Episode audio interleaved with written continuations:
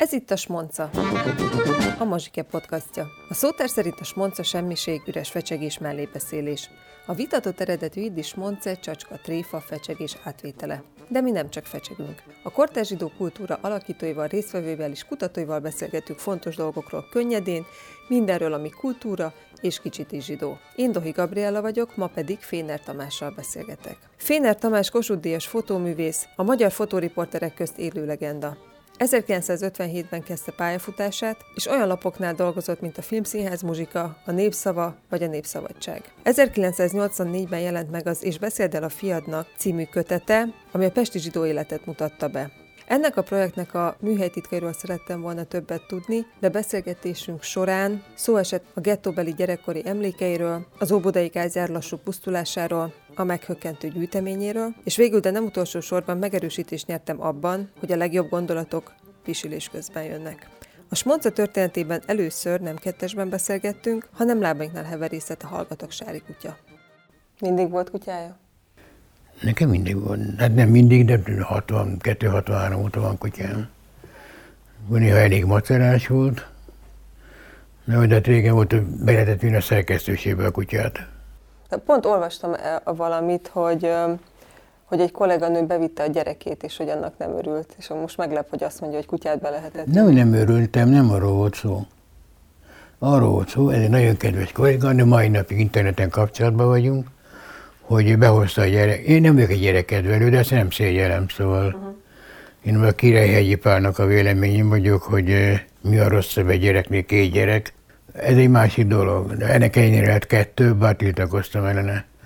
De, hanem, hanem arról szó, hogy kollégákkal mm, támasztottam bizonyos intellektuális követelményeket. Tehát akkor volt egy szerkesztésében arra pénz, ami elképzelhetetlen, járhatunk, járathatunk négy-öt újságot, szaklapot, fotószaklapot. De most tessék elolvasni. Tehát ha éppen nincs riporton, bent van, tessék leülni olvasni. Akkor a lehányzó egyrészt behozta a gyereket, másrészt kötött. Na most akkor ölni tudta volna, miért ezt csinálja, és 20 év, 20 év jelezte vissza, hogy tulajdonképpen megért és hálás nekem, és nagyon sajnálja, hogy akkor ahelyett a nyelvet gyakorolta volna, a helyet kötött. Sárika nagyon csendes jószág. Nagyon jó, jó, nagyon jó. Ja, képzelje el, hogy elmentünk az otthonba, ők, először őt vittük kisétálni. Tudja, adnak, uh-huh. próbáljunk ki. Kivittük, visszavittünk megnézni egy másik kutyát, mentünk a másik kutyával tíz lépést, visszavittük elsőt, most visszük. De hát még hogy nem, most jön úgy viselkedett első délután ültetés és vacsorán, mint a világ életében protokolláris személyiség lett volna. Egyébként könnyen hoz döntéseket, könnyen választ? Nem, végtelenség tudok húzatni, vacakolni rajta. A munkában is egyébként. Nekem igazi idő az nem az, hogy megcsinálom, iskolában is mindig tanítottam nagyon sokat, hál' Istennek, még azt a gyereknek minden majom tud fényképezni, elég nagy keze van, hogy beleférjen a fényképezőgép. Majom egyet nem tudom, mi a fejének fényképez. Na most hát addig viszont el kell dönteni, hogy, hogy miről szólt. Tehát nekem amióta úgy tudok fényképezni, hogy magam, kvázi magamnak is. Azóta sokat tovább tart, még kitalálom, amit akarok, mint, mint megcsinálni, az már ítélet végrehajtás. Nekem, amikor akár interjút csinálok, akár fotózok valakit, van egy ilyen belső érzésem, nem is tudom, egy ilyen szégyenérzettel ö, vegyes valami, de hogy a, a, tehát a, nyilván mélyebben biztos egy csomó minden van, de hogy a felszínen én azzal indokolom ezt a szégyenérzetet, hogy rabolom az idejét. Hmm. Ez nagyon, nagyon fontos dolog, ezt én is akkor tanítottam gyerekeknek ezt a problémát, Induljunk a német romantikus irodalom, R.T.A. Hoffman, semmi szó, mit tudom én. A képmás elrablása, a tükörkép elrablása. Hát mi elraboljuk valakinek a tükörképét. Elraboljuk a képmását, tehát ha akkor tiltakozik, hanem rosszul dolgozik benne, nem fölismeri a helyzetét. Jó, hát lehet primitív népeknél, nem szeretem primitívet, szóval más kulturális struktúrai népeknél ez egy természetes dolog de, de, de azt csinálják, ellopjuk a képmesét. És akkor ezt hogy győzi le magában? Hát én nem, ezt vele kell megvívnom ezt a csatát, hogy meg kell értetnem vele, hogy jó szándékkal vagyok, és nem ártani akarok neki. Tehát elfogok, nem lop. Tehát gondolj reális Tehát van egy, jön egy fény, amely egy meghatározható energia nyaláb. Magát megérinti, magán eltorzul. Tehát a szín, a hőmérsékletem, azt én megfogom, és rögzítem valamilyen módon. Tehát az, amit én rögzítek képként, az magát megérintette. Tehát magát ellopok valamit.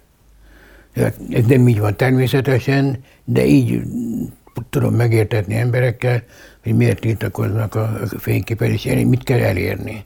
Mm, és arra, tehát a kép már is tárgya felcserélhetőség, ez egy alapvető kérdés. Ha ma azt legyen tüntetősen fényképeket égetnek, akkor nem a fotográfus munkája ellen tiltakoznak, hanem képen ábrázolt szemét akarják megsemmisíteni virtuális módon. Tehát ez oda-vissza működő dolog. És ezzel, ezzel nagyon el lehet vacakolni ezzel a problémával. Tehát, az, tehát szólják különböző technikák, amiket én használtam, de már most belebotlottam a, a New Yorkban egy könyvesboltban egy, egy, egy könyvbe, ami egész formalizálta, az a Colin and Colin Visual Anthropology című könyve, ezt pontosan formalizálja, hogy ez mit, mik a megoldások. Tehát a feedback technikát nyomja, és egyetértek vele. Én alkalmaztam, és világéletemben, ha nem, nem fogalmaztam meg. Tehát visszacsatolást. Egyébként összességében mennyire tartja fontosnak, meg hasznosnak az elméleteket a fotózásban? Hát ez megközelítő ki. Én hozzám nagyon közel egy ilyen túl, túl nagyon intellektualizált megközelítés, de ez a napi melóban is volt, szóval gyakorló színáli fotóriportek röhögnek rajta, amikor én azt követelménynek tartom, hogy tudok elmenni színházba előadás fényképen, hogy olvass el a darabot. Ez Minek? Akkor, ez akkoriban teljesíthető volt? Abszolút. Akkor inkább, figyelj, de az a nagy különbség a szakmánkban. Szerkesztőségben élni az egy életforma volt. Mm. Szóval a kávé a titkárnőnél reggel, a barátokkal, a balhék, elképesztő mennyiségű botrányt csináltunk a szerkesztőségben, már balhékat. Tehát nincs szerkesztőség. Hát minek elküldi interneten az anyagot, és annyi. És a szerkesztő válasz. Hát akkor őrült veszekedések voltak, hogy a kolléga, amikor már főnök voltam, leadta az anyagot, mit kér, akkor mit kér ebből a képszerkesztő, mit kérek én, mint főszerkesztő helyettes, a és akkor lehet veszekedni, mi legyen benne az anyag. Ez ma nincs idő, se idő, sem mód. Pokoli dolognak tartom, hogy a, ugye hát azelőtt úgy láttam egy kéziratot, megolvasta, elnézést szakmában úgy megolvasni, elolvas, megolvassa a rovatvezető. Megolvasni és megfotózni. Így van. Azt is mondták, ugye? Így van, persze. Tehát a rovatvezető megolvassa a kéziratot, eldönti a sorsát, vissza, visszacsatolja a kollégához, hogy mit kér korrekciót. Utána odaadja az olvasó szerkesztőnek aki rendbe hozza a dolgot, stilisztikailag, tehát magyarság szempontjából. Elmegy a főszerkesztőhöz. Az jóvá hagyja, vagy nem hagyja jóvá. Az, volt régen a hagyomány, úgyhogy most olyan volt, nem, nem látott ilyet, tudtam, hogy érdekli, elővettem a régi kéziratlapot, amiben gépbe kell gépelni, és ott volt egy külön fejezet, alá kellett írni a főszerkesztőnek, a rovatvezetőnek, a szerkesztőnek, hogy rajta átment a kézirat. És akkor a főszerkesztő tovább, amikor visszajött a kézirat, akkor első volt, volt korrektor a szerkesztőségi. Vagy volt lektor, vagy nem, de volt korrektor, de volt nyomdai korrektor. Tehát mindenkinek bemaradt valami, ezt a nyomdai korrektor kiszedte. És Nesfe visszajelezte, ugye jött vissza a kutyanyelv, a hosszú papírcsíkok, ami rajta volt a kiszedett szöveg, a megjegyzésekkel. És akkor valami nem működött, akkor bal élet. Sose fogom megfelejteni. Egy, egy dolgoztam egy katonai jellegű lapnak. Elmentem a riportra, és azt kérte a főszerkesztő, írja meg az anyagot. Jó, megírtam az anyagot, leadtam, tehát kézirat, tehát szöveget leadtam, csillag kép aláírások. Megírtam a képaláírásot, egy, kettő, három, újabb csillag, prodómó. A következő kép, elnézést, faszom se tudja, mit ábrázol. Ha kell negyedik kép, kérdetek meg, hogy mi van rajta. Nem értettem hozzá. Egy katonai fával beszélgetett telefonon.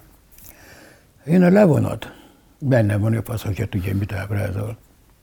És voltam a törlőnek, hát annyi korrektor van, még katonai szerint, hagyjuk be, mikor veszik észre, és nem vették észre. És jött a mély nyomásos lap volt, jött a bronzhengel, bronz levonat, úgy kell bicskahegyek kivakarni, hogy inkább vállaltak a botrányt, a nagy fekete luk marad a nyomaton, mint hogy ez megjelenjen. Mert nem működött a rendszer, de volt hozzá a rendszer. Hányba vagyunk? Ez mikor? 60-as éveken.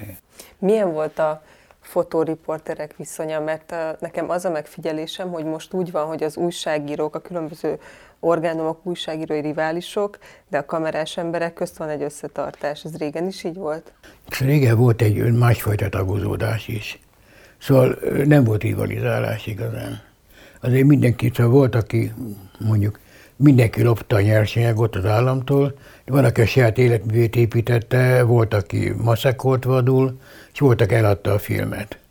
Tehát nem volt konfliktus. Ha volt a konfliktusok, azért inkább a hülye volt egy kolléga, tudom én, abba, abból reuzált, hogy bejárt hozzánk a laborba, ahol dolgoztunk, és kimentette a szemétkosárból a kidobott képeket, és eladta. Na, de hát ezen röhögött az ember, szóval ez nem ment vérre a dolog, és hát azt, hogy azt szeretném még itt, hogy a szerkesztőség nagyon szoros közösség volt. Szóval szó jó értelme társaság összejáró, együtt bulizó társaság volt. Említette, hogy van, aki életművét építette. Ön hogy csinálta? Tudatosan épített életművet is? Abszolút. Persze. Mi volt a koncepció elgondolás? Nézze, hát ezt elkezdtem, hogy, hogy hát de voltak szakmai apró részletek a színházi fotók körül. Próbáltam valamire jutni, nyitottam ott, és aztán a, egy első ilyen komoly váltást az jelentette, hogy volt 71-ben egy nagy kiállítás a műcsarnokban, három termes hatalmas kiállítás, azt hiszem nem volt rossz, de hát olyan képeket állítottam ki, ahol egy, egy anyagot kivéve, amit a Bajcsa Jenőről készült, mindegyik anyag olyan volt, ami a szerkesztőségi napi munkának a mellékterméke volt. Vagy úgy mellékterméke, hogy volt benne jó kép, amit kivettem de 71 után soha többé nem állítottam ki olyan anyagot, amit napi munka során készítettem, és fordítva, tehát nem nagyon publikáltam azt. Hát amikor megjelent kiállítást nyitottam, ott persze, aki meg akarta venni, hajrá. De azok szigorúan elválasztottam a kettőt. Ugye úgy, úgy voltam vele, mint a kóserségnél, hogy a teljes után szem 5 óra hosszat nem szabad húsos tenni és fordítva. Kettőt nem, nem keverjük össze és abszolút tudatosan. Persze, amikor a, hát ezek azért, amikor elindultam a saját történetemben, az a szociófotó vidéke volt azon 71-72-től, akkor belebotlottam egy történetbe, volt egy nagyon barátom, a Schiffer Pali. És a doksi, do, dokumentumfilmeket, de ahol kezdte csinálni a cigány filmjeit. És ment a terepszemlére, és vitt magával egy Kémény István nevű szociológust, és egy Solt Ottilia nevű szociológát. És engem is vittek, csomó dolgot elestem tőlük. És onnantól fogva, mert abszolút szóval előbb volt a Merca koncepció, és kerestem a koncepcióhoz a helyszínt.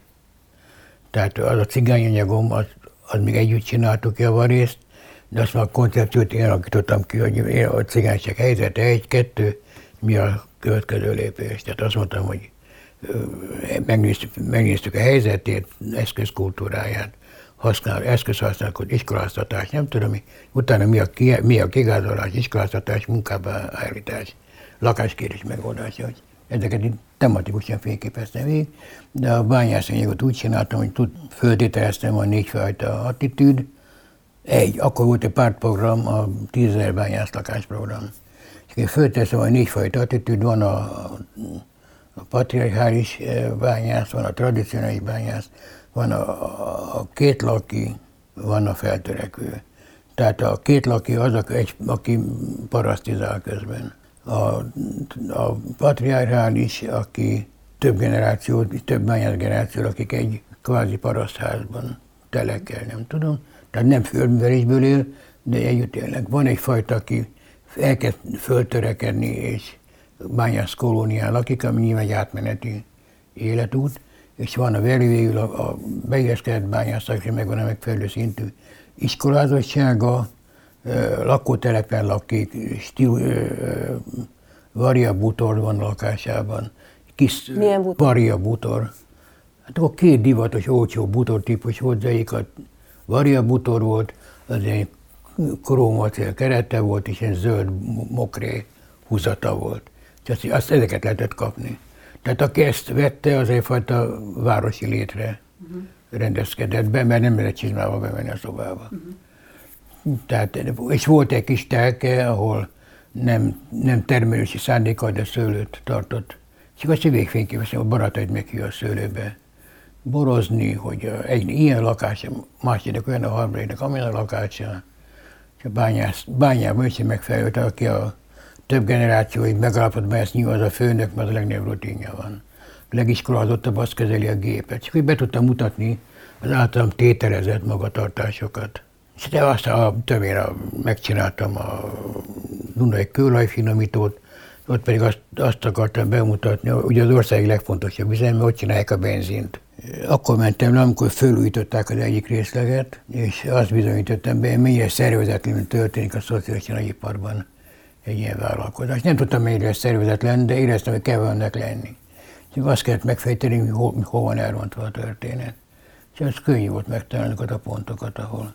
Tehát amikor a műhelyvezető, aki javítja a felújítást, elindul reggel biciklin alkatrészeket kódolni a kollégáktól, és aztán visszajön a kormány szarván 40 darab tömítésre, ott ott valami nem is nincs helyén valami. Tehát a, ez volt, ahogy tudom én, a olajfúróknál, ott éreztem megint, hogy ki van a pusztán, és nincsen szállás. Na, ezt mentem megnézni, kidőlt a paliák, palik milliárdos, ők olajt fúrtak Kömlődön, olajat kerestek. Milliárdos értékű gépeket kezeltek, és elment délután este lefeküdni, akkor bádoglavor, hóvirág sajt a szekrényből és száraz kenyér. Szóval nem felel meg a dolog egymásnak.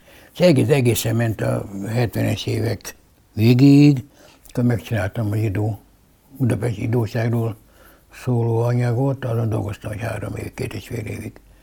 És abból aztán isteni szerencsé folyt, nem csak kiállítást vett, hanem könyv is. Na akkor rájöttem, hogy ennél jobbat, ennél jobbat ebből a tárgykörben nem tudok csinálni, csak abba hagytam a szociófotót, és akkor tovább ugrottam egyel. És utána jöttek a portrék? Utána még egyet, egy köztes dolgot megcsináltam Hortobágyról, ott, ott, ott alapvetően semmi izgatott. Tehát, hogy hogy lehet lefényképezni semmit, ma ott nincs. És nagyon sokat jártam a Hortobágyra, ezt így hozzá kell tennem régebbi Hortobágyi képeimet, hogy kiállítást nézőnek hagyjak ami fogódzót, és utána elkezdtem csinálni a várossorozatokat, Berlint, Budapestet, Rómát, megint Budapestet. Aztán volt a portrésorozatok közben, de a portrésorozatok úgy született, hogy valamiért csináltam a portrésorozatot. Szóval én már jóval rendszerváltás után volt, amikor úgy éreztem, hogy szeretném együtt látni azokat az embereket, akik nekem valamiért fontosak. És azt mondom, vannak többfajta kapcsolatom, van ismerem, szeretem, fontos a munkája. Fontos a munkája, nem ismerem, szeretem. Szeretem minden, mindenfajta... Mindig kategorizál, nem? Mindig? Abszolút, persze, persze. Uh-huh. Belem a Heller Ágnes nem ismertem igazán, de fontos volt számomra a munkája. Nem is nagyon szerettem meg egyébként, nem volt alkalmam rá. Uh-huh. De, de, de, de belekerült. A Saját Jóska nevű rabit, nagyon szerettem, nagyon fontosnak tartottam. Komoróci Gézával úgy ismerkedtem, hogy olvastam a munkáit, ez, a leggyakoribb, és általában ezek barátságáz üllenek. Szóval Gézával nagyon jóban vagyok. Egy csomó ember van, aki úgy került a parti nagyjal, úgy kerültem kapcsolatba, hogy le akartam fényképezni, mert fontos volt a személyisége számomra, hogy be akartam helyezni ebbe az oltárra, ahol ezek a fontos emberek vannak.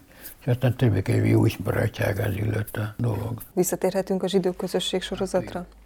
Hogy ez hogy volt? Úgy tudom, hogy a, abba a zsinagógába ment vissza, ahová gyerekkorába jár.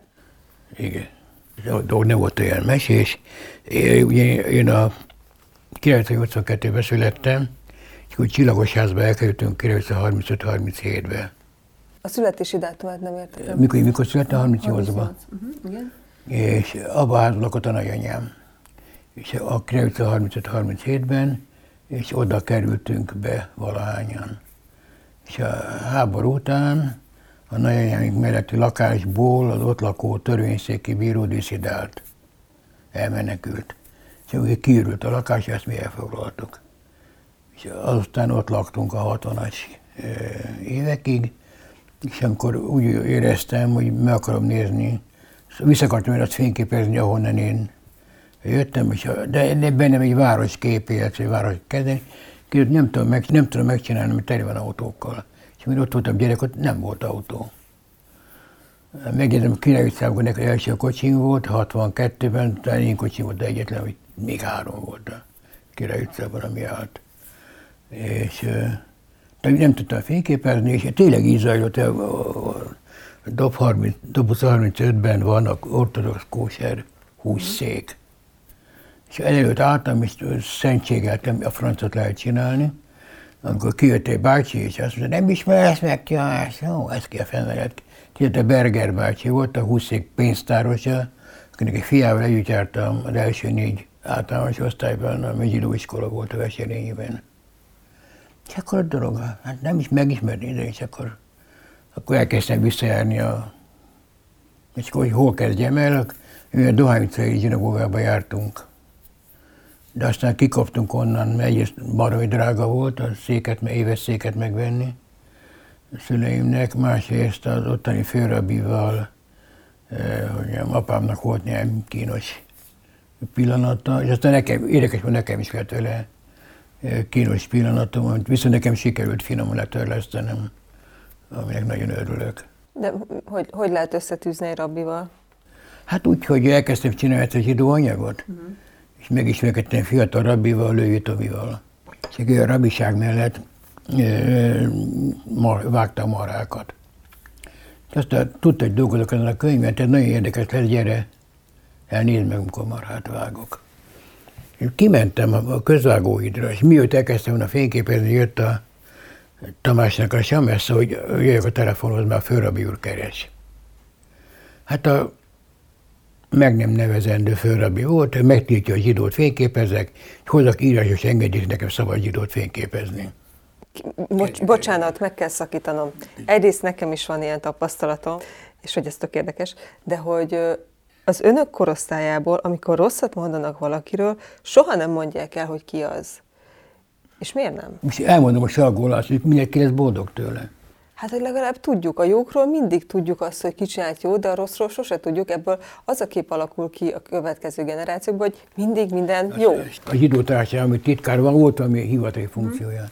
És apám hozzá került valahogy, nem tudom, hogy miért elhurcolták munkaszolgálatba, hogy kérjem felmentést a kóserság betartásáról. Most erre felmentés nincsen. De nem azt mondta a Salgó, hogy élj meg, ahogy tudja, hanem megtiltotta neki.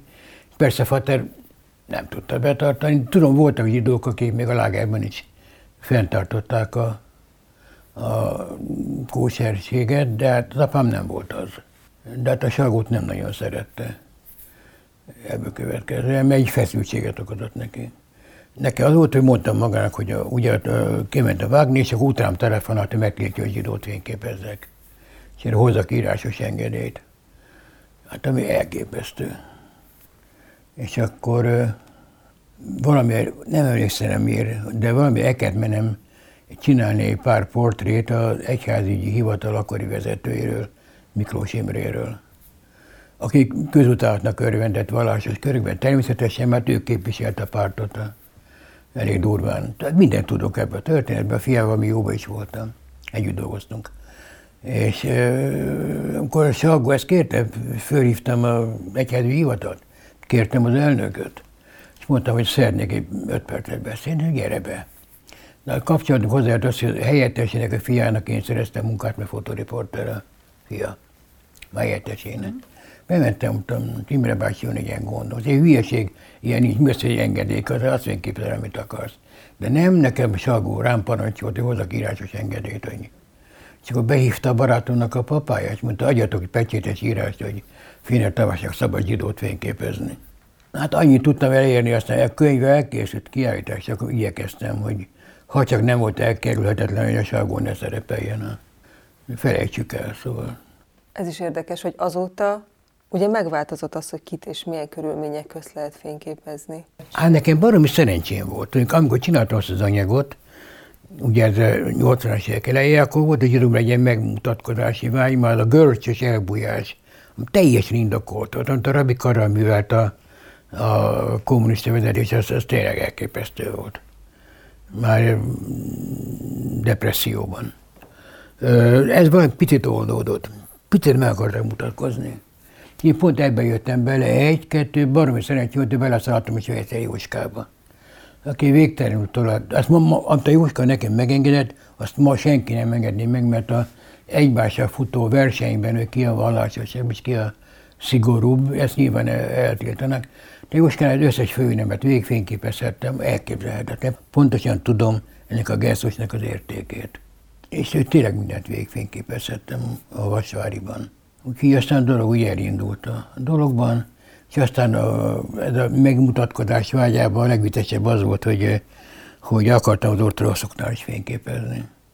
És egy Weiss Márta, ma is egy Weiss volt a főrabi. És akkor, akkor már ismertem a Sejber Sándor, és mondtam, hogy ajánljon be a Majsénál. Azt ő a Majséval, ő hagyjam az ortodoxokat, azok nem képre valók, feketék, csújkák, köp, köp, köp, köp, köp, köp, jó.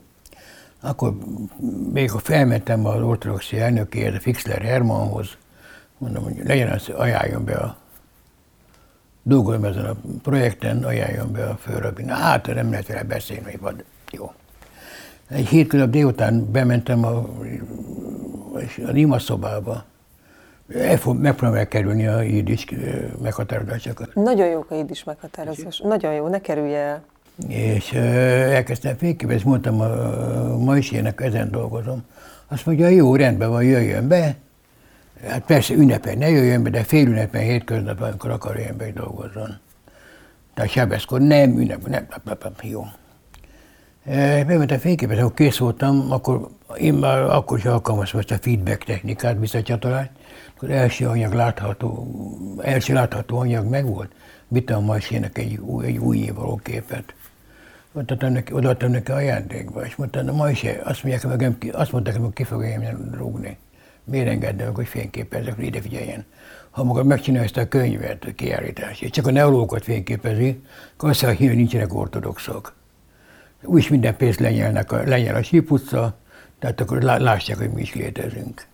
És akkor ma se tartotta is magát, mert én, azokra a félünnepeken, e, Záin Nádár, mit tudom én, gond nélkül tudtam nálunk dolgozni. És kvázi elfogadott. És akkor drását mondott, mert hát mindent tudtam náluk csinálni.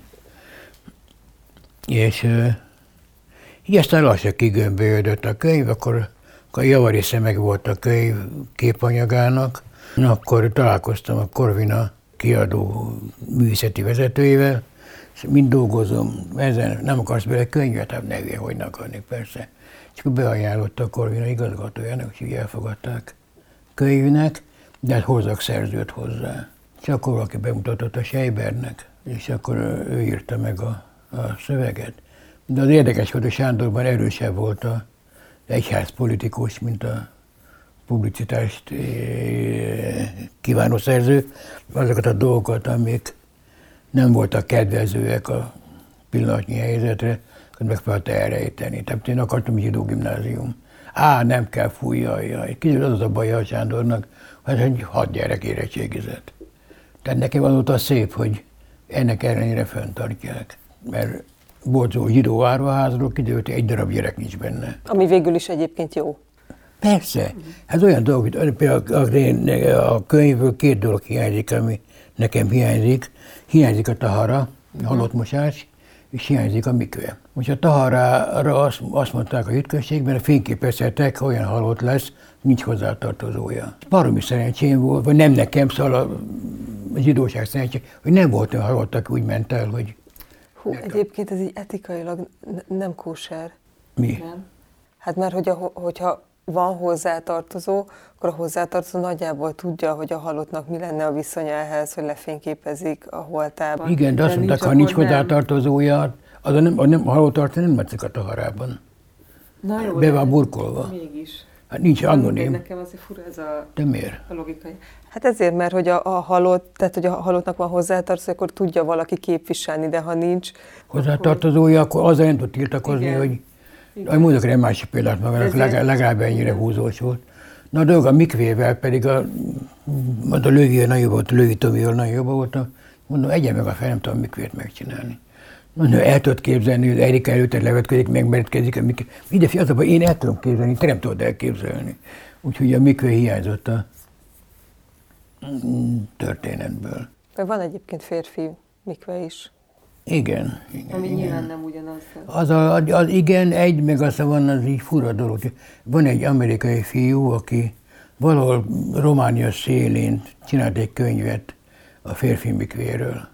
Én ismertem is jól, és mondta, a legnagyobb gondja az volt, ennek erre, erre egyszer nem volt én, hogy megoldja, hogy bent a mikvébe fényképezni, mert a gőz beverte az objektívet. Tehát órákat kellett ülni a mikvében ahhoz, hogy elég meleg legyen a gép ahhoz, hogy ne verje be. Ezt én a bányában, bányákat fényképeztem, állandóan volt a gond, hogy órákat kellett ülni a föld alatt megvárni, míg a gép a meleg lesz, szóval fölveszi ezt a páratartalmat. Ha jól értem, akkor a szülei nagyon vallásosak voltak. Nem. Nem? Az édesapja tartotta? Hát bonyolultabb a történet. Tudnélik, eh, nem voltak vallásosak, de tartották a vallást, különösen anyám. És apám is addig tartotta, amíg anyám élt. Na most ez egy anyám is hűlt neológok család volt, és tartotta, apám egy ortodox volt, és nem tartotta. De baromért tudott leénolni, ismerte a dalomokat, remek olvasott héberül. Tehát csak az anyám kedvéért ö, tartotta, és ott volt vicces. Volt nekem egy nagynéném, akinek a férje elesett az első világháborúban. Nek volt egy fia, a Féner Oszkár. Az elesett, mint francia partizán. És ma ez Margit, Fé- Féner Margitnak hívták, és akkor a végét járta, egy derék kommunista asszony volt a kútvölgyével, ott az elfekvőben. Behívott, hogy nem tud rám hagyni semmit, mert hogy eltartási szerződése volt, de a családi képeket rám hagyja.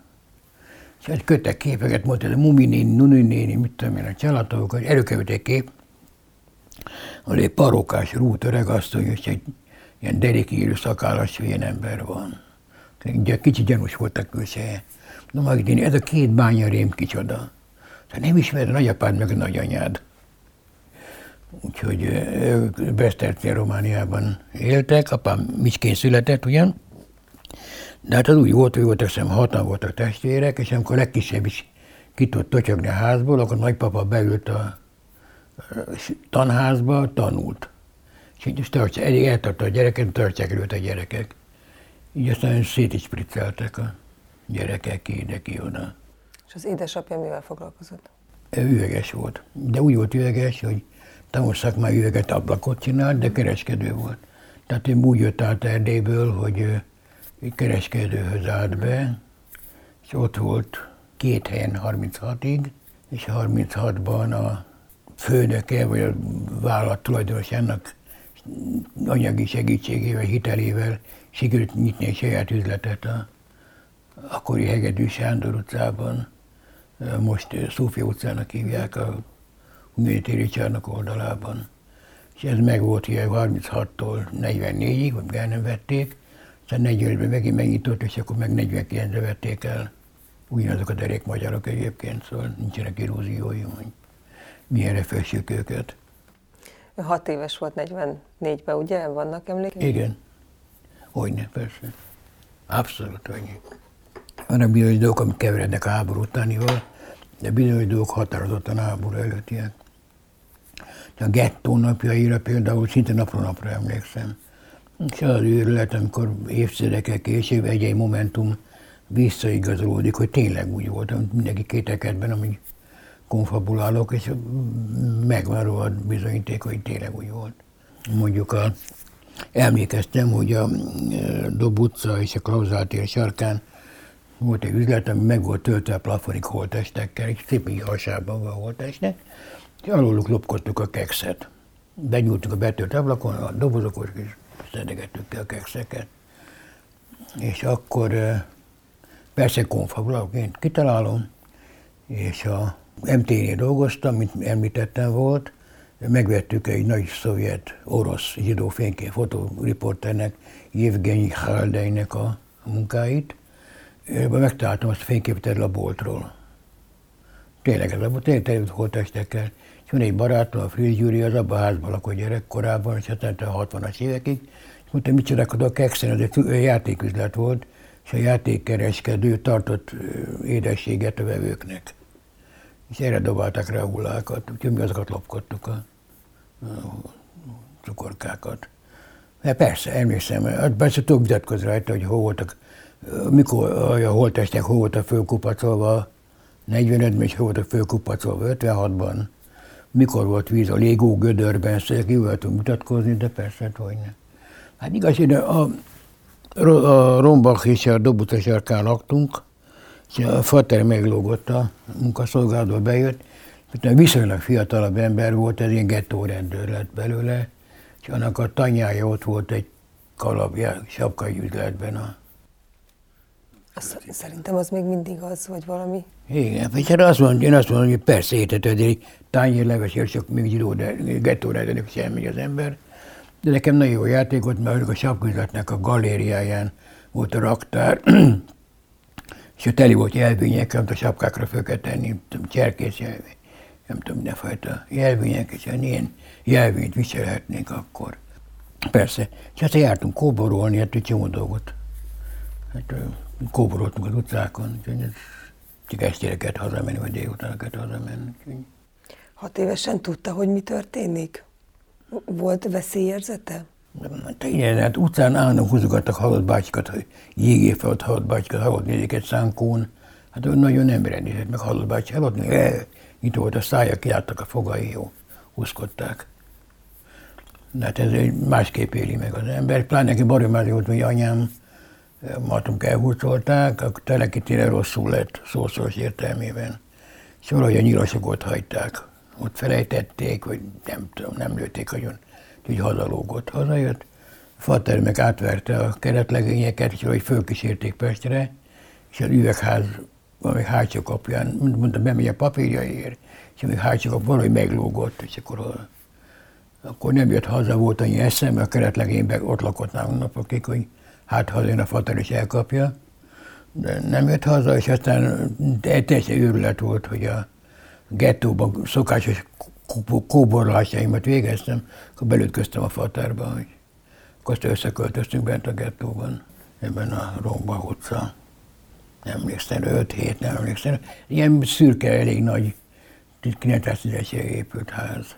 Utóbbi kesztyűgyár volt a földszintjén, az üzlethelyiségekben. Ja, persze, emlékszem. Hát, érdekes, hogy inkább nekem 46 utána megy egy filmszakadás. Hogy... Tehát egy történetre emlékszem, de ugye kontinúsan nem jönnek elő ezek a... Leírta egyébként? Dehogy írta, nem írta volna. Nem, nem írt memoárt? Nem, nem, nem, nem. Én részleteket írtam elég sokat. Uh, ide, akkor úgy volt a szerkesztőség gyakorlatban, még már vezető voltam, képszerkesztő, főszerkesztő, nem szerették, ha írok. Azt, igen, azt értem, de, de ugye az utókornak. Nem, nem, nem. Annyi van, hogy amikor Zsidó Múzeum volt egy kiállításom, akkor mondták, hogy jó, de csinálják valamit, ami oda szól. És akkor, és ak- akkor elkezdtem ezek a gyerekkorom helyszíneit fényképezni.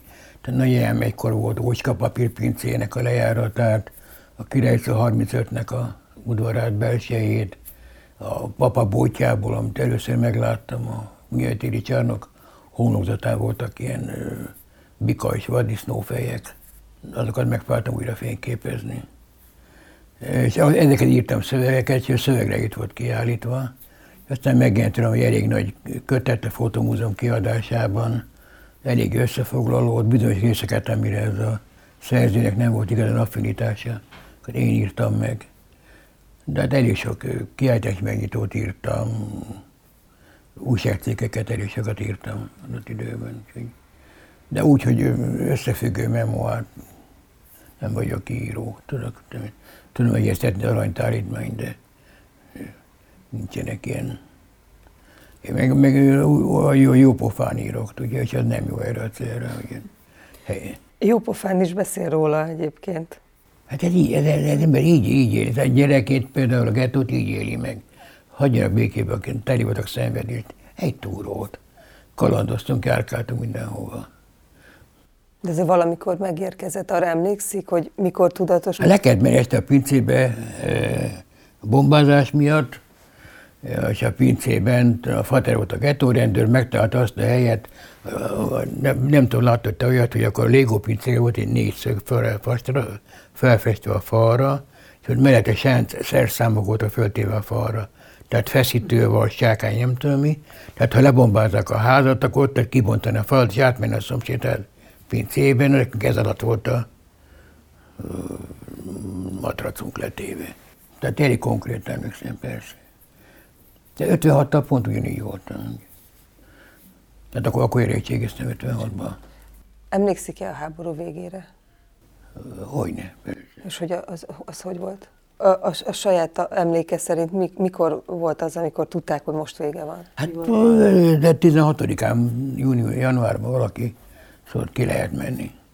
Le, lebontam, kimentünk, visszamentünk anyám lakásába, kiderült, hogy a szomszéd lakásban az a törvényszéki bíró, aki lakott, elment, meg elfoglaltuk a lakást. És a lakása nagyon nagy előnye volt, hogy a cserédszoba teli volt krumplival és szénnel. Tehát még plusz jó volt, és akkor a, a beköltöttetek két orosz tisztet, vagy hármat, emlékszem rá pontosan, tudtak németül, nagyon kulturáltak voltak, szégyenem mondani, de ők hozták a kaját, anyámnak kellett megfőzni. Édesanyja napi volt a foglalkozása? Hát ő azt a háztartásban nem pontos, mert azért a, a fater mellett kell dolgozni az üzletben, mert az egy komoly dolog volt. Mondjuk egy példát, mondjuk anyának ugye 40-es évek végén meg volt a bolt, el kellett menni gyárba dolgozni. Mm. És akkor addig úgy volt, hogy a, lement a boltba, és kapap meg tudott menni a WC-re, megvitt neki kaját, meg segített neki a megrendelésben, nem tudom mi. Utána nem tudott lemenni, mert gyárba kell dolgozni, Fater nem tudott kimenni, és kénytelen volt a falikútba pisilni. Ergo a bótba hátul büdös volt. De hát kellett, kezdve kellett még egy ember. Há, volt a háború előtt, rövid, rövid a háború után segéd a boltban, a Marci. Biztos volt, ő, ő volt egyik, aki jött államosítani a boltot. Hát jó, hát ez volt a melója. De volt cseléd is háború előtt, és érdekes, a háború után visszajött teljesen önként, hogy volt saját családjuk? Volt, volt, uh-huh. persze. És visszajött? Hát anyának menni a boltba, hát Bilás. akkor hát, kentlen a gyerekkel, meg tudom én. És akkor a háború után visszajött, csak a karácsonyfára mondom, hogy na, mindig volt karácsonyfa a cserét kedvéért. Ő tartotta a kóserságot, hát mi megtartottuk a karácsony természetesen, mert hogy ez meg az övé. Nem? És mi lett vele? Hát nem, amikor nem tudtunk fizetni, akkor, akkor elment. Hát ezt úgy napra emlékszem, mikor ment el, de hát, tudom, amikor a bot államosították, te 50-ben, akkor már nem volt ott. Igen, és 56? Hát akkor elkezdtem fényképezgetni, és akkor volt a lakásban egy társbérlőnk. Társbérlő Pék volt, és a veje együtt laktak egy szobában, volt a postás kultúráznak az igazgatója. A dolog lényeg az, hogy a, a papa volt a Pék, és akkor mi a Vesérény utcában, és elmentünk, egyrészt kaptunk kenyeret, másrészt hozta a plegykákat, mi hol van. És egyik osztálytársammal volt fényképezőgépen, amikor rohangáltunk, és fényképezőgépen balhé van. Még eszembe nem jutott, hogy lelőhetnek, vagy milyen borzasztó dolgok történnek. Volt a köztársaság téren, a, a, a laktanyánál, a, a Korvin köznél, stb. fénykép. És az a baj, hogy egybe postás kultúrházban hívtuk, hívtam elő, és november 4-e után nem hoztam el a filmeket, és visszament, mire visszamentem, örök kifosztották a labort, úgyhogy azok tud, le tudtam nagyítani, ez megvan, megmaradt, a többi nem. Csak életem első nagyításai voltak, hát olyanok is. Igaz az, hogy 56-ban azért nem diszidált, mert hosszú volt a sor valahol. Igen, ez így, ez, ez, igen, így volt. Ez hogy volt? Volt egy fényképész a, a, a Dohány 16-ban a Pobuta. Akinek az anyja műtermű fényképész volt, maga a Pobuta, a sportriportál, nem tudom, mi mindent csinált. De egy ilyen nebbis alak volt tényleg a pabuda. Hogy micsoda? Nebbis, sajnálatra méltó. Értem. Hát az, látom, van határa azért a jiddis ismeret. Abszolút vannak korlátai jiddis tudásomnak, igen. Nebbis alak volt. A dolog lényeg, az megcsináltuk a portrétet, hogy megyünk ki Izraelba. És a fatára beálltunk a sorba, egy baromi hosszú volt a követsége jött a sorra vízumért. De ebből elegünk, hogy hazamentünk. És aztán nem mentünk Izraelba. És utána később nem merült fel? Nem. Na, ilyen jó, utána leérettségiztem mindenfajta dolgok, de azért ne felejtse el, hogy én, nem fontos, de én 57. november 27-én Márásban voltam, mint fotoriporter gyakornok. Szóval nem vettek fel egyetemre sehol, két helyre jelentkeztem. Hova jelentkezett? Jelentkeztem filműszi főiskar operatőr szakra, hála Istennek nem vettek föl. Mondtuk, hát a baromi hamar, 50 éves karra vége van a pályájának. És akkor rengeteg mindentől függ, hogy működik, vagy nem működik. És nem vettek fel az eltére, amit szintén örülök neki. Magyar könyvtárszakra jelentkeztem. Tudni, azóta látom, hogy a komoly könyvtáros barátaim mivel foglalkoznak. Tehát, hogy a rekonstruálja maradékok alapján a 17. századi kolostori könyvtárok leltárát. Hát ez, ez nekem nem lett volna. Úgy tudom, sokat jár a Széchenyi könyvtárban. Mit csinál ott? Hát az úgy van, hogy, hogy én nem gondoskodni kell a hagyatékáról. És megváltam a fotomúzeumban, egy nagy csalódás volt, mert a fotomúzeum Kecskemétiben? Kecskemétiben. Akkor igazgatója eldöntötte, és meg is hirdette, hogy ő dönti el, hogy kinek, mi, ki, kiről mi maradja meg az utókornak. Tehát én anyagomnak a túlnyúl részét kidobta a szemétbe. Ami viszont megmaradt, azt még úgy kezelte, hogy, hogy kideríthetetlen mi van benne. Szét van szabdalva darabokra, az eredeti szövegen lévő ö, meghatározásokat nem vezették át a képekre, tehát nem lehet tudni, ki van rajta. Ez nem jött be. A Nemzeti Múzeum az dokumentumokat gyűjtenek az anyagomban kevés a dokumentum. És akkor, mm, és akkor megalakult a Széchenyi könyvtár fotótára. És elkezdtem odaadni, de ők se kezelték elég gondolatanyagot, és megrendült bennem a hit, és jött egy új vezetőség a, a fotótárban, aki hajlandó dolgozni. Füri Kati és a többiek főnöke, és azóta mindent odaadok nekik, Széchenyi OSK-ba. Hát csak nem szüntetik meg. Hát aki tudja persze. Mit gondol a Fortepáról? Én nagyon fontos, nagyon jó dolognak tartom, meg, megmondom, miért hallgattam el. De egyik attól a pillanatban, hogy azt mondja, csak dokumentumokat gyűjti, ugyanakkor létező fotográfusok hagyatékait is fölgyűjti, amit nem lehet csak dokumentumként kezelni. Attól folyt van valami fogalmi eh, keveredés a dologban. Hogy érti, hogy a Fortepán csak dokumentumot gyűjt? Hát ö, úgy, úgy, úgy értem, a, fotó, a fotóban úgy alakult meg, hogy a kvázi ellökött, mind, mind a, a, tehát a kardosjain az levágott filmvégeket, meg nem tudom, uh-huh. eldobott filmeket gyűjtött. Uh-huh. És a Fortepán is kvázi hiperdimenziónál gyűjtette, nagyon jó, és elkezdett fölgyűjteni megszervezett anyagokat hagyatékkal, az is rendben van. Uh-huh. Csak attól a pillanattól kezdve, hogy érdemes jegyzett hagyatékokat fölgyűjt, abban a pillanatban az nem, a, nem az objet trouvé kategória, tehát a meg lehet tárgy kategóriába tartozik, hanem múzeumi gyűjtés. Uh-huh. De akkor azt nem kell elszégyelni. És azt akkor be kell vallani, hogy konkurens múzeum, aki kom- komplet hagyatékokat gyűjt, zárójel olyan hagyatékokat, amik inkább dokumentumértékűek, amivel semmi baj nincs. Igen, igen, értem. Semmi baj nincs természetesen. Tehát jó, csak azt kell mondani. Nem tudom, egyetérte vele, egyetérte. Abból a szempont, tehát a, én avval egészíteném ki, hogy ők nem kizárólagosan. Nem kizárólag. Tehát, hogy ők fölteszik és visszaadják a negatívokat, és attól a negatív még lehet mással. Viszont egy nagyon nagy problémára megoldás, ami egyébként filmre nem létezik ilyen megoldás, hogy látható. Mert hogyha akár... Tehát, hogy- Nem negatívan, csak azt, hogy ezt ki kell mondani. Igen, igen, igen. Hogy mi nem az a fortepán vagyunk, aki megindult, a kardosféle nyomon, tehát az objektúvé gyűjtöm, hanem igen, egy konkurens Mhm. közgyűjtemény vagyok, magángyűjtemény vagyok, amely egyébként ezt meg ezt vállalja. Egy nagyon fantasztikus dolog. És olyan kollégáknak az a hagyatékait menti meg, amely kollégák munkásságára ok, egyébként ok nélkül, vagy különböző okokból nem vetődött fény. Szóval Kotnyák Tónitól Bolyár Sanyig nagyon nagy anyagok. És hogy miért nem vetődött rájuk fény, ez egy másik kérdés, de most nem tudom, bele kellene mennünk. A Bauer Sándor életműve főleg enteriőrök meg vendéglátással kapcsolatos dolgok. Hát persze, persze, nagyon fontos. Én nagyon szeretem, hogy itt nagyobban voltunk. Azt tudja, hogy volt egy nagyon nagy perre, ami világ legmulatságosabb perre volt. A, a hagyplegykáják egy kicsit. Ismer ezt a képet, a Rákosi búzát. Igen. Most a Bauer ezt publikáltam, de az ő képét. De akkor úgy volt, hogy szigorúan meghatározó, mint ma, ma egyébként, hogy az Orbán, Orbán csak a saját fényképésze fényképezheti. No, akkor Rákosi korszakban is így volt, hogy egyre jobban hasonlítunk.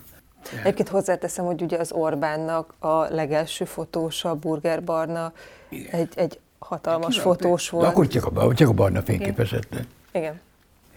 Tehát nem a Barnusról szok, nagyon szeretem egyébként, tehát nem, és hát most én nem, nem, nem, nem tudom, kidolgozik vele, hát nyilván kvalitásos hmm. emberek, tehát nem rossz. Tehát akkor úgy volt, hogy a Rákos vagy az MTI, a Szabad Nép fényképészet és a, azt hiszem a, MT, a Szabad Nép és a fényképészek mhm. kísérhette. Na most az volt, elkészült ez a kép, amit a Bauer publikált, hogy ő csinálta. De közben a, a Bas Tibi csinálta, aki a Rákosi udvari fényképésze volt, le is ültette ezért öt, évre, öt évre.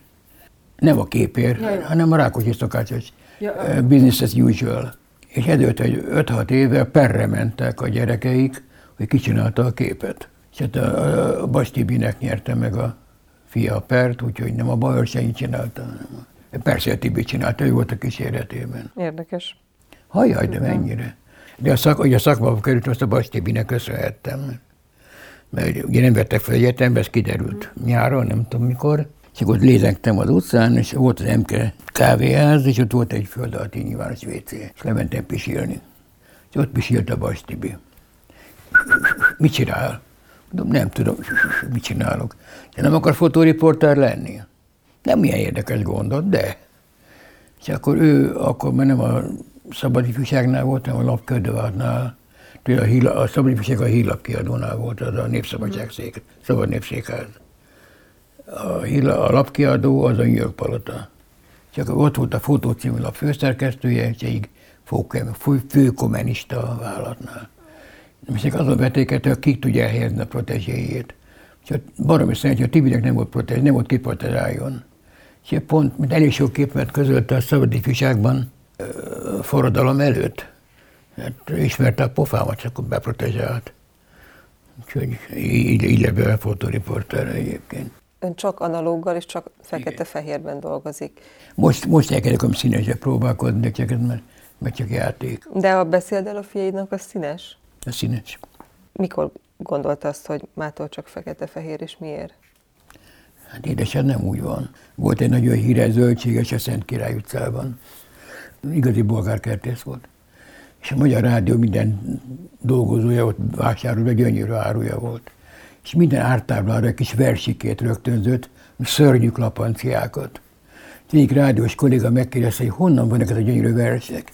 Azt írom verse, hogy jön. Szóval és ír, írom verse, hogy jön. De nincs elszállás, hogy fekete vezek a színes akarok. Eszembe jutom, gondolkodom rajta, hogy mi, mi, aki, merre lehet tovább menni, az érdekel. De most a tárgyfotókban szakrális tárgyakkal, nem szakrális tárgyakkal, Héber magyar szövegekkel, mindenfajta mókákat csináltam. Fekete-fehér, tovább kéne menni, vagy kéne csinálni. És akkor eszembe jutott meg a színesen valami, de én nagyon, nagyon küzdök vele. Ami szegény Mártának vaj, az élettársamnak, ő tervezőszerkesztő, és ő tud a számítógéppel tárgyalni, amit én nem. És akkor most őt, őt basztatom egyfajtába, hogy, hogy próbáljunk ki bizonyos dolgokat először Photoshopban, vagy InDesignban, hogy aztán megcsinálom fényképben, de nézzük meg, hogy néz ki. Úgyhogy maga elmegy, hogy neki fog állni a Csók Pista bácsi képét vacakolni, mert hogy tavaly koratavaszra berepült hozzánk egy kakas. Nem tudom miért. Pákozzon. És ott ott nálunk egész évben. Most átkölt, mint elköltött, ha följöttünk Pestre, akkor fogta a fokefét, törkült, átment a szomszédba. Most beköltözött oda, és őket boldogítja. Egész ott volt a kakas, etettük, mit tudom én, de végig kellemetlen, de orosztó agresszív lett. Márták végig csipkedte a lábát, mert nem tudom mi. Utálatos módon viselkedett de, de, de fejlősokat fényképeztük, és akkor a, a 2B galériában a Laci csinálta ki egy kakasról. És akkor Márta odaadta a képeit, Laci megszerkezték alóra, és akkor én az utolsó portré sorozatomat csináltam, mindig friss képeket használt. A legutolsó sorozatban már visszanyúltam, hogy egy, elő, elkezdtem régebbi képeimet elővenni, hogy azokat manipuláltam, a Róna Vikit, Kassákot, mit tudom én. És Csók Piste bácsiról is volt egy, amikor Kutvegybe feküdt az elfekvőben, 59-ben, 58-ban, nem tudom. Csináltam volna egy képet, de ezt valahol elrontottam a szöveget, nem volt jó az egész, kihagytam. Most ott volt a kakas, ott volt a Pista bácsi, a Pista zűző a kakassal. Na, és akkor, így, akkor elkezdtem színes csinálni, és elkezdtem az egész kiáltozát színesben. Onnan indult az zűző a kakassal, és akkor mit lehet ezzel kezdeni? Nem tudom. Fontosnak tartja, hogy az életműve digitalizálva legyen? Hát igen, de sok minden van digitalizálva. Új programszerűen nem digitalizálni, nem tudsz kennelni, mit húzom szegény már. Tehát most ami ki, kvázi kiállítás negatív, az itthon van. Az beletározta a Széchenyi könyvtár, az megy oda.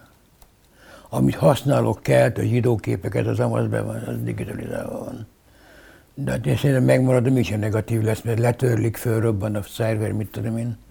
van ez a adatmentő cég, a, ugye eszembe jutom. A Kürt? Igen, Kürti. A fotoriporteri létnek, újságíró létnek ugye előnye, olyan figyelembe, ha valaki nem tud megközelíteni privátim, de meg akar ismerkedni, csinálja róla egy riportot. Így voltam a Kürtivel, érdekelt az egész kérdés, hogy mi, hogy kerülünk mi egy társaságba. Mondta, riport akarok csinálni róla, nem tudom hova, teljesen mindegy. Csak elment, akkor mindjárt megnyílt a pali, dumáltunk, olyan aranyos pali volt. Tehát, kérdeztem, hogy és mi a, milyen az a biztonságban. Levett a pofa egy ekkora kütyüt, azt mondja, ez egy merev lemez. Nem tudjuk, milyen nyelven írták, és nem tudom, milyen gépen hajtották meg. Sose fog kiderülni, mi van benne. De mi ki van nyomtatva, az megmaradt. Azt már tudjuk, hogy a papír 3000 évig eláll. Tehát az, az van biztos, hogy nem ki van printelve. Jó érv. Ő mondta. Úgy tudom, hogy jobbnak tartja az, ha nincs ember a képen. Ez egy pillanatnyi gondolat Ez volt. Gondolat volt. Vers. Nem pillanatnyi, nem tovább menően. Tudjuk, az abból indultam ki, hogy a, nekem a város, mint fogalom, az egy fontos dolog. Na most a város változik, a város az állandó, a, a, az emberek azok alkalmaként jelnek meg, kicsit módosítják. Elmondok, ezt egy példát szoktam elmondani. Kétszer volt szerencsém Rómában ösztöndíjasnak lenni. Euróban az a modern, a Mussolini modern városállam, városa, van egy Mussolini szobor. Na most a Mussolini, a szobor azt csinálták, hogy leverték az orrát, és deszakrafiki, stb. nem tudom kimondani, tehát megszentségtelen, nem tudom. Tehát a szobor ott van a helyén, az örök. Hát csak nem a Mussolini, hanem egy tömb. Tehát az város örök, a város ott fog maradni, az emberek változnak a környékén, tehát erről szól a történet. Na most ez a vicces az volt, hogy a Rómát úgy fényképezni, legyen ember rajta, ez elég macerás volt. De szerencsére az élettársam, szakinak sokáig éltem, együtt Finnyárban volt forgatókönyvíró, annak előtte berendező volt nagy harsány hanggal. Úgy kívültette a rosszokat a képből, hogy csak úgy zengett, úgyhogy tudtam ember nélküli városképeket csinálni. Rómában is, Berlinben könnyű volt, Pesten pedig egyszerű volt, mert a smogos téli reggelek voltak. És elindultam reggel, tudom én, nyolckor, szombat, vasárnap, és ember nem volt az utcán. Tehát, tehát ebbe annyi volt, hogy az ember annyira véletlen, az esetleges jelenléte, hogy nyom, nyomai megvannak, de ő maga nem fontos, hogy rajta legyen. Ez egy szépen kidolgozott rendszer volt, hogy és megmutatkozik a város ember nélkül is. Vállal megrendeléseket? Dolgozik még megrendelésre? De nem igen ostromoltak vele. Inkább az a jellemző, hogy lopják a képeimet, vagy elkérik. Most ez, ez elképesztő, hogy pofátlanul, tehát jövedelmező vállalkozásról ingyen kérik a képeket. És én, ne, én soha nem, én, mondjam, én annyira magam módján fényképeztem, hogy nem, attól, hogy elkezdek komolyan fényképezni, nem nagyon volt. Ahogy én fényképeztem, nem nagyon volt alkalmas arra, hogy riportjelegi munkán kívül bármi más. Én nem tudtam igazán divatfotót, nem is csináltam tárgyfotóhoz nem volt meg a megfelelő kultúrám, úgyhogy hát most van, de most én majd másfajta tárgyfotókat uh-huh. csinálok. Tehát nem ástam magam ételfényképben, az ételfényképezés szépségében. Nem nagyon dolgoztam megrendelni, csak lapnól dolgoztam uh-huh. riport, riportokat. Most megjelent, megjelent egy nagy uh, fototörténet, a, a, a szerkesztő nő addig dumálta, hogy mondta, hogy jó, vigyétek, csináljátok, amit akartok. Uh-huh. De van, volt, amikor egy galéria, és azt mondta, hogy ő csak, csak kiállításra kéri a képeket, de kiderült, hogy publikálta, eladta. Szóval van, aki ezt komolyan veszi, volt, aki beperelte, a Kossuth kiadót beperelte, a, mert engedély nélkül felhasználták a képeit, ennyi is felhasználták, én összevesztem az igazgatóval, kész. Részről lezártam a történetet, nem pereltem be. Még éjjel tárgyalásra, fél neki megette. Mit tanácsol annak, aki fotóriporter szeretne lenni? Mik, mik a legfontosabb készségek és megtanulni valók? De a, fotó, a fotográfusi tevékenység, amit rám kérdezett, ahhoz kb. gyökeresen megfordult. Értem ezen azt, hogy, hogy mikor aztán mi gondolkoztunk a fényképezésről. Ez egy építkező volt, a mostani az egy kiválasztó. Tehát akkor én időben, én időben, akkor az volt, hogy ki kell találni egy képet, meg kell konstruálni, és elő kell állítani, és ez rendelkezésre állt egy bizonyos mennyiségű lehetőség. 12 kocka, nem tudom akármennyi. Ma viszont elkészítek egy végtelen képtömeget, gyakorlatilag korlátlan képtömeget, és a képességem abban van, ennek képtömeget teljesen megfelelő módon elő kell készíteni, le kell gyártani, de ki kell tudom választani. Tehát én induktív voltam, ez egy deduktív. Tehát alapvetően más dolog. És másfajta képességet is kíván. Régen is volt olyan, aki valami ott fényképezni, nem tudta összeállítani a, a kép sorát. Tehát majd most egyébként, tehát egyébként most egy deduktív dolog volt, tehát vissza, vissza kell csökkenteni a képtömeget egy értelmesre. Most a vita az egészben az, hogy amit én annyira tiszteltem és szerettem, az a, az amerikai kép eszé és környéke. Hát azért azt, azért azt tudunk meghatározni azért a képszerkesztőnek a művészete. Eugene Smith fantasztikus fényképész volt, de hogy az ő képsorai belégnek az ember agyába, abban legalább akkor része van a képszerkesztőnek, az a képi szövegeket megszerkesztette. És én, én nekem, a, a ma már másképp működik, az akkor a képsort, képszöveget használt az ember, a térben működött. Ma időben működik. Ma fölteszek úgy nagy kép, minden a címen képsorokat az internetes sajtóban is, csak azt nem látja egyszerre. Tehát az időben. Tehát időben kell összerakni. Az én a, a, a nyomtatós lapnál térben van, tehát vissza tudok lapozni, össze tudom nézni kettőt, együtt tudom látni. Tehát kell figyelni arra, hogy te összeolvasni a képi szöveget, hogy rendezem, mert ez, ez, ez van, ehhez van más, tehát nem alacs, már nem más alacs, más típusú megközelítés lépett a helyre, másképp kell a dolgok. Most például szint, szinte elképzelhetően álló formátumú kép. Eltűnt az álló formátumú kép? kép? Komolyan? Hát internetes sajtóban. Pont fordi, igen. Internetes sajtóban igen, viszont egy másik Na de az a meghatározó, ott van lehetőség publikálni. Bocsáss meg, mondjad. Viszont a videó, ami egy fekvőműfaj, uh-huh. az újabban álló. Mert az emberek így tartják a telefont, és hogy annyira igen, átment igen, az, hogy, tehát, hogy ez egy ilyen létező formátum lett, hogy álló a videó, ami ugye nem alkalmas rá, mert a téma általában... Igen. És hát amíg azért nem, nem, még nem gondolkodnak benne. Szóval annak megvannak a maga szabás, szóval ennek rendje van ennek a dolognak.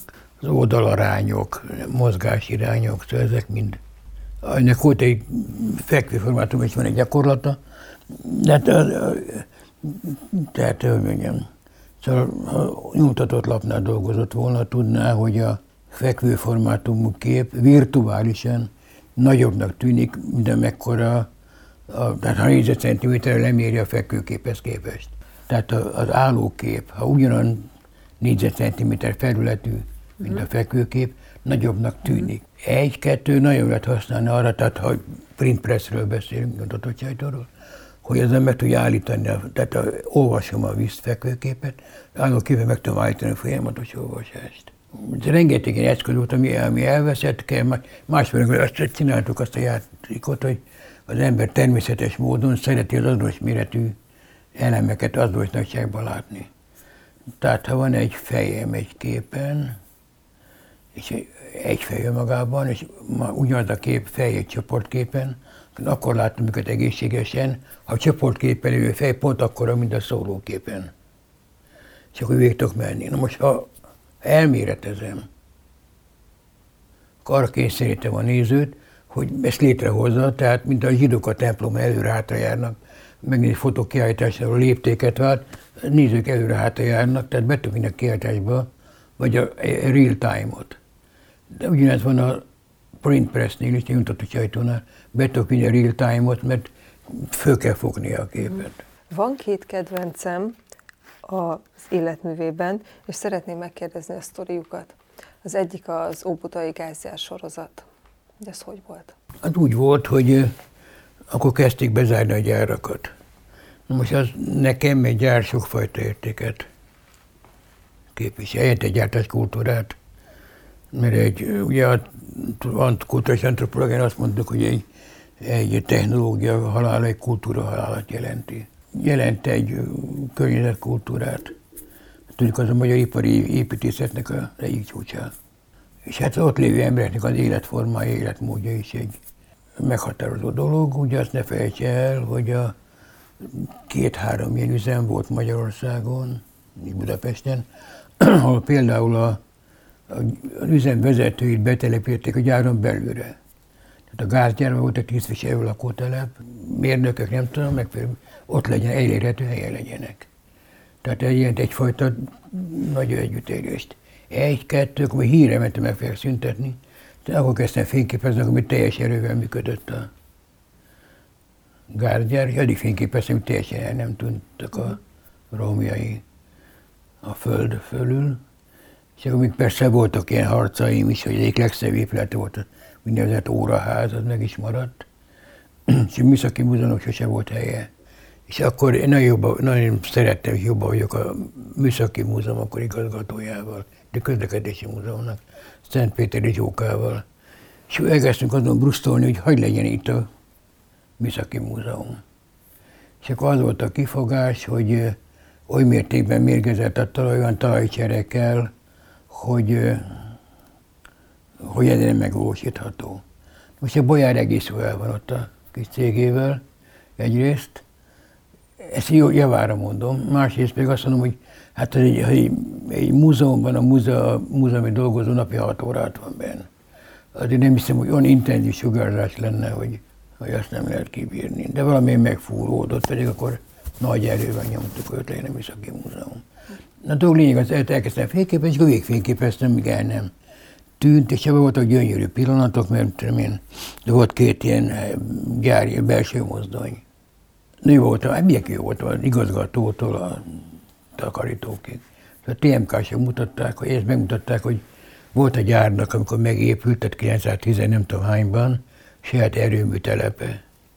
És az erőműtelepen a, a, a áramfejlesztő gépsort, ugye arról, ha a városi áram kiesne, akkor a saját áramfejlesztő gépsorával tölt tud működni a gép.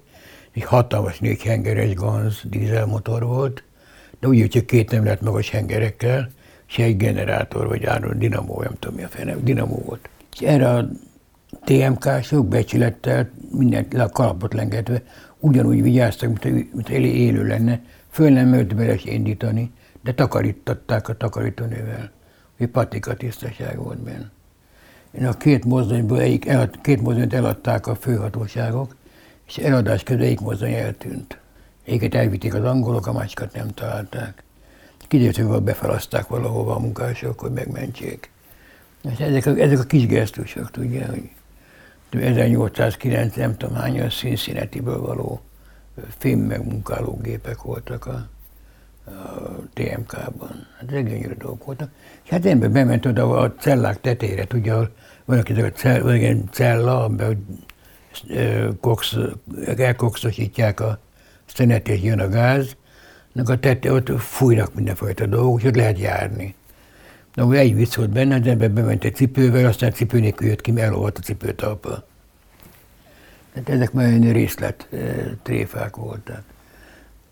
De hát az ott jártam, jártam, tudom én, amikor fölrobbant az egyik gáztartály, az pár órát késtem, mert épp akkor nem voltam ott, de a romjait még láttam. Úgyhogy de fontos, hogy én, mindig, mindig az élményt így gyűjtettem. Érdekelték a gépek, értettem? Mindig, persze, a gépeket gyűjtök. és a gárdjában nem engedtek, a akkori párom nem engedtek hazahozni gépeket. Ott voltak, voltak kiáltásból a Munkásfővelmi Múzeumban, és akkor mondták a TMK-sok, hogy teljesen minden úgy megy a selejtbe, ha akarom, ide hozzák haza azokat a gépeket. És akkor azt mondta, hogy nem, ide nem fognak bekerülni, barambüdösek voltak, nem fognak bekerülni a gépek.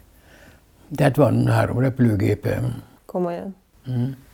De emiatt egy igazi repülőgépek. Uh-huh. És milyen gépek vannak még? Van egy PZL 101 Gavron, az egy mezőgazdasági, egy kukacbomb, kukacbombázó volt, mezőgazdasági szórógép, van egy MiG-15 BISZ vadászgép, van egy Mi-2-es helikopter, és még néhány apróság, ami időközben bekerült a gyűjteménybe. És hát amíg, amíg hogy nem, jobb fizikai körbe voltam, meg barátok, a, a, a, a Gavron be lehetett indítani. És az egész falu megőrült, mert a falu közben meg kell dörögni egy ilyen 9 hengeres repülőgép motor, az mondjuk elég jelentékeny zajt tud csinálni. A helikopter egyébként a hajtóját nem lehet indítani, azt nem vállalom, mert tűzveszélyes, de minden működik rajta. A rádiótól a, a magasságmérő, lokátorig minden működik. Beül, és le, le, szabadság rendszerpróbát lehet csinálni, mint indulás, repülés előtti rendszerpróba, és így bírtam zongorázni. Na, ezt nem tudtam. Fényszóró ki, be. Ez köztudott önről, hogy vannak repülőgépei? Azt hiszem, igen. A másik kedvencem André Kertész és Balic Kati. Hát akkor idejött, Pestre volt kiállítás, ez az, akkor volt a fotóvészövetség főtitkára, és akkor egy hivatalból kell találkoznom vele. Ám, de ugye is volt egy kiállítás a Vigadóban, engem kérte meg, hogy nyissam meg. És a kertész, az napközben rángattak protokollális programokon, este utált egyedül lenni. És úgy voltunk programban, hogy vége volt hivatalos program, mondtam, gyere föl este. És akkor így, így, úgy, így, így, így a kert, ott ült. Ott volt egy szék, ott szeretett ülni. Akkor utána megítunk egy üveg bort, hogy eldumáltunk. Csak a párom hazavitte a szállodájába, és ez egy létező kapcsolat volt, és mit annyi maradt meg belőle jelként, hogy lányom akkor 6-7 éves lehetett, valahogy így, és akkor nagyon, nagyon jóba voltak, és akkor amikor Bandi bácsi elment, akkor írt neki egy, mindig egy ilyen elköszönő levelet, hogy ja, Sári elaludt persze, államosult elment lefeküdni, és mindig hagyott neki egy levelet, hogy elköszönt tőle, és akkor így, hogy nem, nem, én nem sose forszíroztam nagyon a személyes kapcsolatokat, de dedikált holmi van, tehát három könyvem van, hogy képem dedikáltam, amit én nem véletlenül került hozzám, úgyhogy megvettem antikváriumban, nem én kértem, talán három darabon. Ez volt a Smonca, a Magyar Zsidó Kulturális Egyesület podcastja. Köszönjük, hogy velünk tartottál. A podcastban említett képek egy részéhez a leírásban linket is találsz. A kultúra hidat teremt az emberek között. Ha te is fontosnak tartod Egyesületünk civil tevékenységét, kérjük támogasd a Magyar Zsidó Kulturális Egyesületet és a Magyar Zsidó Kultúrát. Legyél tagunk, kövess programjainkat, vegyél részt sétáinkon, és hallgass a Smoncát a következő hónapban is.